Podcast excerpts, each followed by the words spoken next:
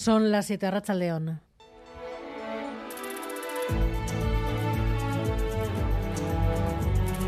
Gambara con Arancha García.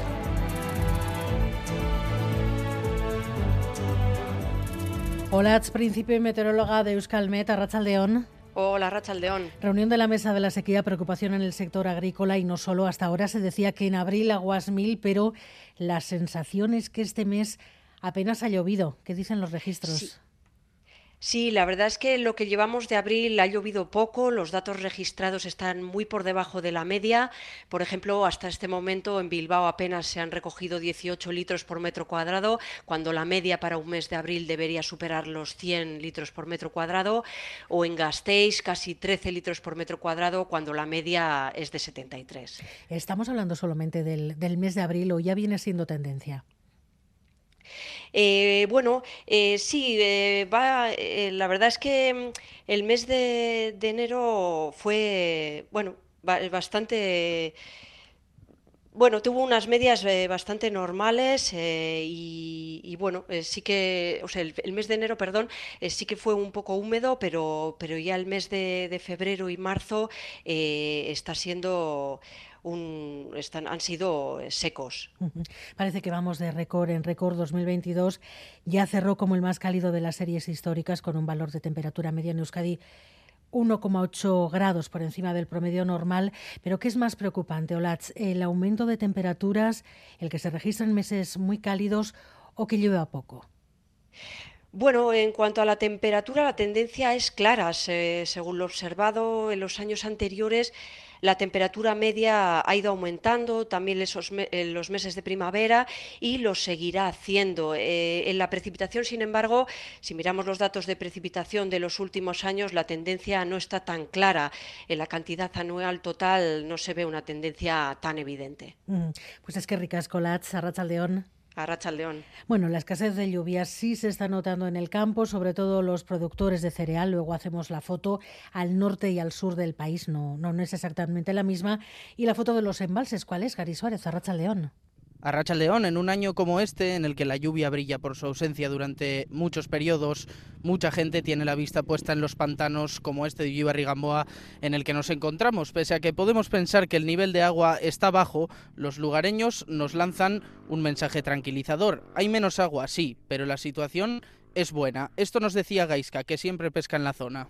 Yo que vengo todos los años a pescar, más o menos, solo venir siempre a los mismos sitios y tampoco lo veo tan bajo. Hay que decir que faltan un par de metros, tres y ya está. Pero yo lo veo bien, ¿eh? No, no es mucho, no, no, no, para nada, para nada. Yo lo veo bien, ya te digo yo que suelo venir todos los años y más o menos a las mismas zonas y más o menos controlo por dónde está el agua y te que decir tampoco está tan bajo, ¿eh?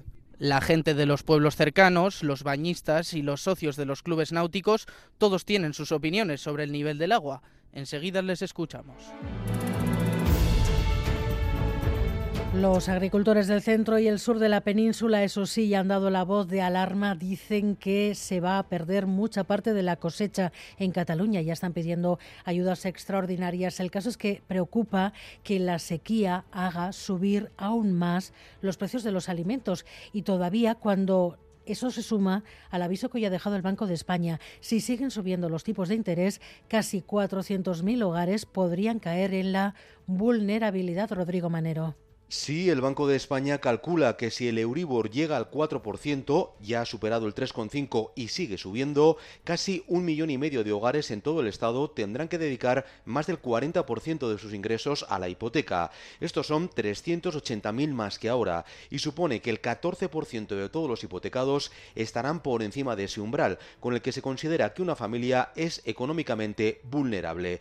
El protocolo de ayuda de los bancos apenas llegará a 200.000 hogares, una quinta parte de lo esperado. El Sáhara, a cambio de que Marruecos frene las pateras y los saltos a las vallas. Pedro Sánchez ha admitido hoy en el Congreso que el giro de su política hacia el Sáhara fue una imposición de Rabat y que ha funcionado. En fin, ¿sabe usted cuánto se ha reducido la llegada de migrantes irregulares en el último año? Un 78% entre, en Ceuta y Merilla, un 63% en la ruta canaria. ¿Sabe usted eh, eh, ¿cuánto ha aumentado en el mismo periodo de tiempo en las otras dos grandes rutas europeas? Pues un 95% en Grecia y más de un 300% en Italia. Pero Sánchez tiene en contra a todos los grupos. Hoy se ha visualizado en el Congreso también los grupos vascos. ha conseguido parar la inmigración a costa de vender el Sahara. Pero, por favor, no saque pecho de decir cómo ha disminuido la migración. ¿eh? Eh, reconociendo que es bueno que usted tenga buenas relaciones de vecindad con Marruecos. Ahora bien, el precio a pagar no puede ser abandonar al pueblo saharaui. Enseguida hablamos además aquí en Gambara con la responsable de una encuesta de Arancha Solab y las tres universidades sobre una cuestión en la que se ha profundizado poco en este país, cómo entendemos la democracia. Una encuesta que parece detectar señales de desconfianza hacia el sistema. Les dejo dos datos. A un tercio la democracia le genera indiferencia, incluso irritación, y dos tercios creen que a los políticos les da igual lo que piense la gente. En carreteras, un punto con problemas hasta ahora, la N240 en Ceanuri, dirección Gasteiz, debido a una colisión entre dos camiones. No hay heridos, pero los camiones están ocupando todavía la calzada, se está regulando el tráfico. Precaución en ese punto. Nacional 240, Ceanuri, Vizcaya, dirección Gasteiz, por una colisión entre dos camiones. Y los deportes, Diego Aramaz, León. Hola, ¿qué tal? León. Vasconia juega desde las 7 en el Buesa contra Obradoiro, partido correspondiente a la 28 jornada de la Liga ACB. Raúl Pando, ¿qué tal? León. Arracha León, Diego quiere la victoria del equipo Gastistarra para seguir arriba de todo en la clasificación eh, de la competición ACB. Estamos a 7-15 para la conclusión del primer cuarto.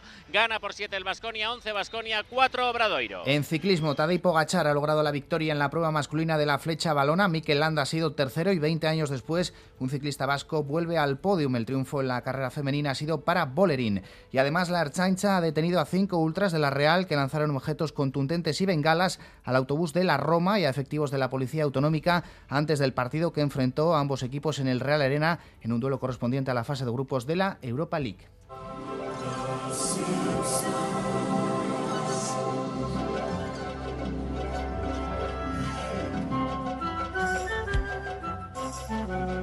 Bueno, pues nuestra cronta para unos dibujos amarillos que según algunos predicen el mundo y que ya tienen incluso Día Mundial, Amaya Zabala. Así es, con 34 temporadas a sus espaldas y el mismo número de años en antena, Los Simpsons son ya una de las series más longevas de la historia, pero si por algo destaca, incluso para aquellos que nunca han sido fans de Homer y sus idas de olla, es por su gran número de predicciones. Sin duda, una de las más míticas es cuando en un capítulo emitido en el 2000, Donald Trump aparece a manera de antecesor de Lisa como presidente de los Estados Unidos. Dice que hemos heredado del presidente Trump un agujero en el presupuesto. ¿Cómo es de grande, secretario Van Houten? O las máquinas de voto electrónico que cambian el voto de Homer a Obama en favor de los republicanos, un episodio de 2008 que adelantó lo que ocurriría en 2014 en Pensilvania. ¡Esta máquina está arreglada! ¡Ay! Debo decírselo al presidente McCain. También predijeron inventos como el Kindle o el smartwatch o costumbres que para los 90 eran futuristas como el hacer spinning desde casa o las propias videollamadas. Hi mom. Lisa, hello. How are you doing in England? Incluso el atentado a las Torres Gemelas, la epidemia del ébola o el mismo coronavirus fueron predichos, y es que la capacidad de esta serie para adelantar acontecimientos nunca deja de sorprendernos, por lo que más vale estar atentos a sus capítulos.